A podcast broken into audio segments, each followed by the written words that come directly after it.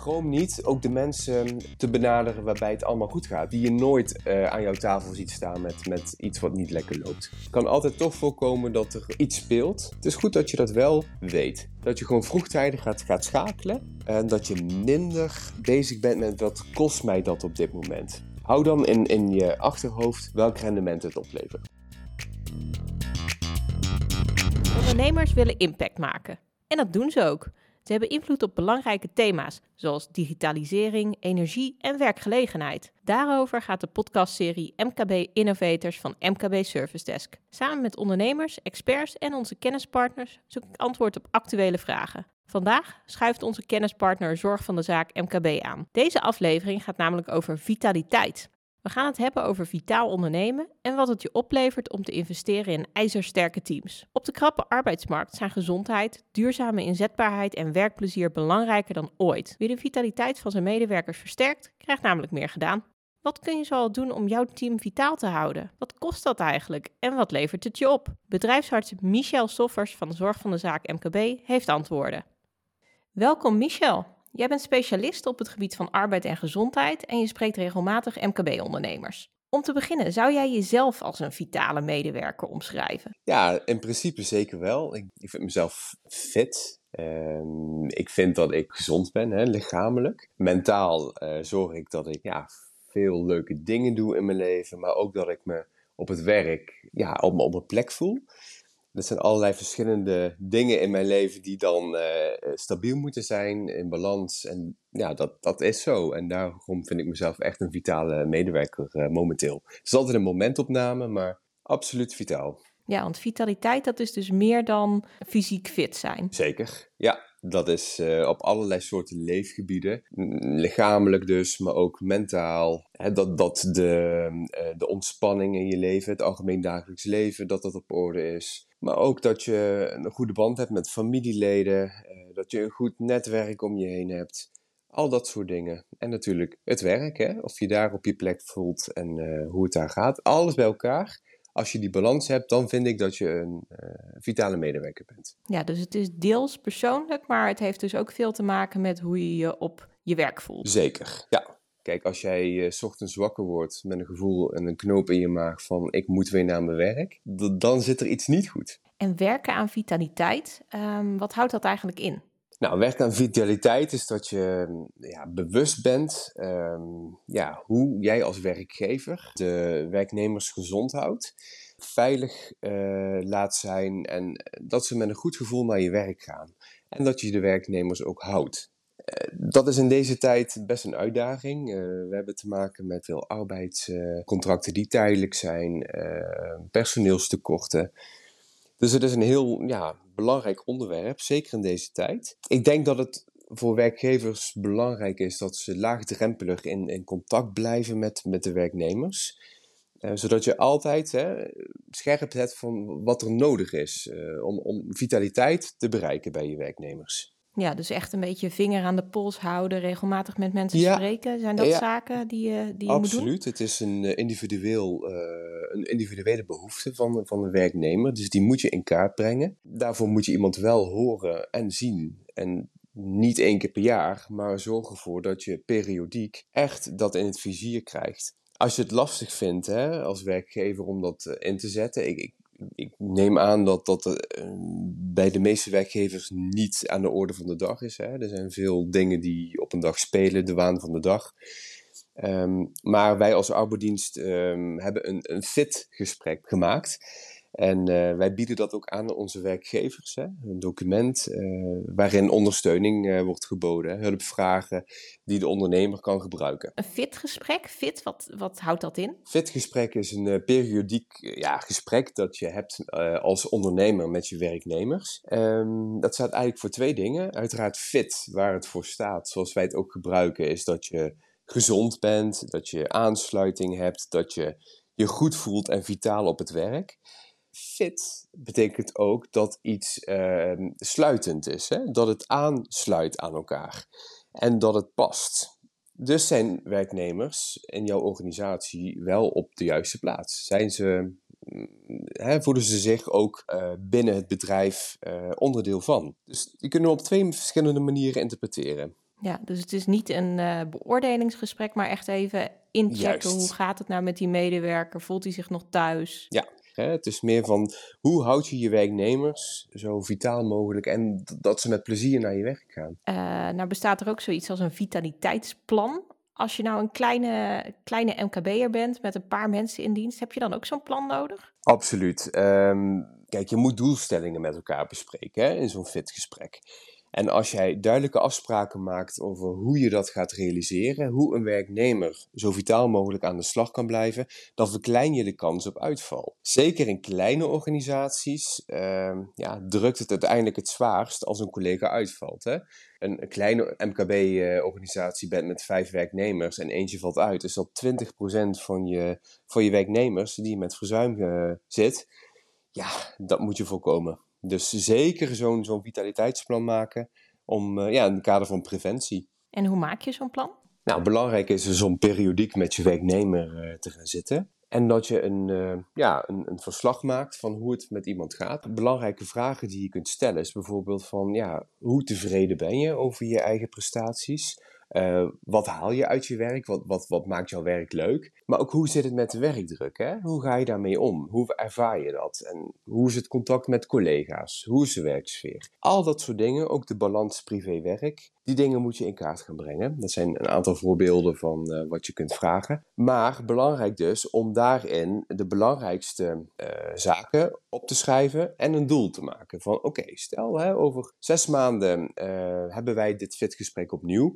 Wat moet er dan veranderd zijn? Hè? Wat is voor jou belangrijk om te bereiken in die zes maanden, zodat jij nog beter in je vel zit? Of bij mensen die niet goed in hun vel zitten, om juist toch de balans te weten te houden, zodat verzuim voorkomen gaat worden. Dus als je als ondernemer echt de diepte ingaat met je werknemer, um, om te zien wat die nodig heeft. Ja, dus het is dus ook als het goed gaat, zorg je dat het nog beter blijft gaan. Als ja, dat, dat is heet amplitie, hè, zoals wij dat uh, noemen. Dus versterking versterking van de goede eigenschappen van iemand, zodat die ja, de kans dat iemand uh, uitvalt natuurlijk nog kleiner maakt, maar ook dat iemand met nog meer plezier naar je werk gaat. Dan heb je als werkgever echt een, uh, ja, een hele goede collega als werknemer in je, bedrijf.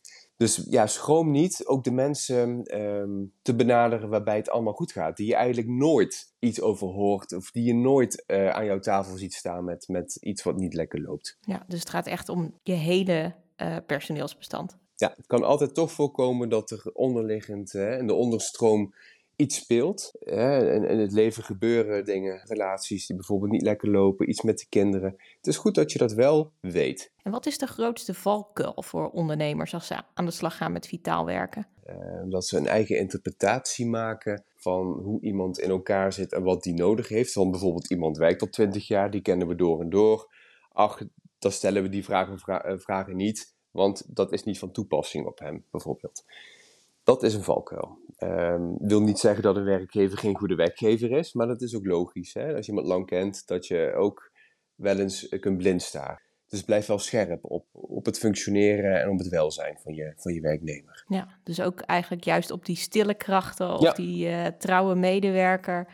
Ja, daar ook eens naar vragen van zou je misschien het leuk vinden om iets anders te doen? Of zit je nog wel goed ja, in je wat vel? zijn je ambities voor de toekomst? Uh, hè? Wat, wat doe je goed om, om, om je werk uh, zo te blijven doen? Denk je dat je dit werk tot je 67ste kunt volhouden? Ook echt aan de orde van de dag, hè? zeker bij fysieke beroepen, maar ook mentaal. Iemand die, uh, ik sprak laatst een, een, een, werknemer die werkt uh, bij de GGD. Ja, dat is echt um, mentaal uh, inspannend, hè? die dingen die zij kunnen meemaken in de, op de ambulance. Ja, die vraag kun je echt stellen. Van, heb je genoeg tools om dit werk heel lang te kunnen, uh, kunnen blijven uitvoeren? Ja, en als je dan hoort dat, dat dat misschien niet zo is, wat kun je dan doen als werkgever? Nou, in kaart gaan brengen wat iemand dan nodig heeft. Dus niet gaan invullen voor je werknemer, maar meer van: oké, okay, wat, wat denk jij? Hè? Wat is voor jou belangrijk om extra toe te voegen, zodat jij je werk beter kunt gaan doen, zodat je er minder last van hebt? Hè? Dat was een werknemer die uh, het meenam, het werk, uh, buiten kantoortijden, uh, dus ook op vakanties, in de weekenden. Wat heb jij nodig om af te schakelen? Om echt te zeggen van, oké, okay, dit is mijn grens, dit is mijn werk. Nu ga ik weer terug naar mijn uh, privéstuk, waarin ik uh, andere zaken doe om, uh, om vitaal te, te zijn en fit te blijven. Ja, ja, dus echt een beetje die werk-privé-balans, die moest weer nou in balans komen. Ja, nou, we hebben een uh, maatschappelijk werker van GIMT uh, ingezet. Dat is de dienstverlening die wij dan binnen onze arbeidsdienst hebben. Gewoon dus te gaan kijken van wat doe je nou zelf om te ontspannen. Je hebt een aantal rollen in het leven. Dat was een vrouwelijke werknemer die ook met uh, twee kinderen zat. Een man die veel weg was vanwege het werk. En zij in het werk natuurlijk een, ja, een aantal dingen meemaakte op een dag. als ambulanceverpleegkundige. Wat had zij nodig? Om dat uit haar systeem te krijgen. Nou, een aantal gesprekken, maar ook dat zij ontspanning moest gaan zoeken, een bepaalde routine in haar leven moest gaan uh, maken, uh, veel toch met, met uh, de omgeving dingen ging doen, met vriendinnen. Dat droeg allemaal bij aan het verwerken en weer zichzelf kunnen voelen buiten het werk. Waardoor ze uiteindelijk ook meer ruimte kreeg om klappen op te vangen, hè? minder leuke dingen in het, in het werk zelf. En wat kost dat nou als werkgever, werken aan fit en vitaal werken? Eh, eigenlijk helemaal niks als je het vergelijkt met wat het oplevert. Uiteraard, hè, je moet een, een, een plan maken, je moet er tijd in investeren. Maar wat wij hebben gezien in het onderzoek van het eh, PwC, dat het de productiviteit van de werknemer uiteindelijk verhoogt, de kans op verzuim verlaagt en daarmee dus een stijging van het rendement kan opleveren tot ongeveer 12,6%. Dus als je de kostenbatenanalyse naast elkaar legt, ja, dan, dan levert het uh, veel meer op. Alleen het kost tijd. En tijd is geld, dat, dat is duidelijk. Maar met een goede leidraad, bijvoorbeeld als hè, het, het, uh, het voorbeeld uh, voor het vitaliteitsplan wat wij aanbieden, kun je dat snel en effectief doen. 12% extra rendement, dat is eigenlijk wat het ja, kan opleveren. 12,6 uh, inderdaad. Dat is, dat is veel. Zeker in, de, in deze tijd voor de kleine werknemers, waar werkgevers waar het eigenlijk uh, hè, aan alle knoppen wordt gedraaid tegenwoordig uh, qua kosten. Is dit wel een, een, een, mooie manier om meer rendement te creëren. Wat is jouw belangrijkste tip als het gaat om fit en vitaal werken? Ja, ik denk als werkgever blijf observeren, blijf consequent een, uh, het goede gesprek voeren met de werknemer. Ik zal nog een, een voorbeeld geven daarover. Ik, ik werk um, voor een aantal MKB-bedrijven onder uh, Qualcomm uh, Technologies. Um, ik sprak daar een man met ja, meervoudige, uh, ernstige, blijvende beperkingen. Die man die werd aangenomen daar. Daar hebben ze een echt prachtig passend werk voor bedacht. Die man kan helemaal functioneren, 40 uur in de week. Dat vind ik prachtig, echt. Maar deze man, die kreeg bijkomende ernstige medische klachten en beperkingen. Blijf dan kijken naar wat die man nodig heeft. En deze man, ja, die, die moest dan een gerichte uh, behandeling in een zorginstelling ondergaan met langdurige hersteltijd daarna. Die bleven in gesprek. Die man is tot aan het eind, totdat die gerichte behandeling moest plaatsvinden, aan de slag gebleven en aangepast werk. Die man die uh, ging uh, voor de langdurige uh, behandeling en daarna kon hij meteen weer invoegen in passend werk. Dus die hebben in dat hele traject met die medewerker blijven kijken van ja, wat heb jij nodig, zodat hè, wat heb jij van ons nodig, zodat wij jou kunnen bieden dat je toch je werk kunt blijven doen, al is het aangepast werk. En die, ja, dat heeft hem zo um, geholpen, ook in zijn mentale uh, weerbaarheid, uh, dat het heel snel goed is gegaan en hij weer volledig aan het werk is gegaan binnen een paar maanden. Ik had dat nooit verwacht um, als ik alleen had gekeken naar de medische situatie van deze werknemer. Maar dit, dit is een uh, perfect voorbeeld van hoe hou je je werknemer vitaal. Ik kan me voorstellen dat dit ook wel wat meer loyaliteit oplevert. Ik bedoel, als een werkgever zo met je meedenkt, dat je dan ook uh, nou ja, wel heel loyaal aan de ja, zaak bent. Absoluut. Ja, ja de, deze man die. Uh, ja, ik, ik, ik, stel altijd de vraag in mijn spreekuren van hoe is het contact hè, op het werk? Hoe gaat het uh, in de organisatie? Hoe is het contact met de werkgever op dit moment? Ja, die man die, ja, twinkeling in zijn ogen. Je zag gewoon, die zit helemaal bevlogen in zijn werk. Fit, vitaal. En ik had ook helemaal niet door dat hij die meervoudige blijvende beperkingen had. Totdat hij me dat liet zien.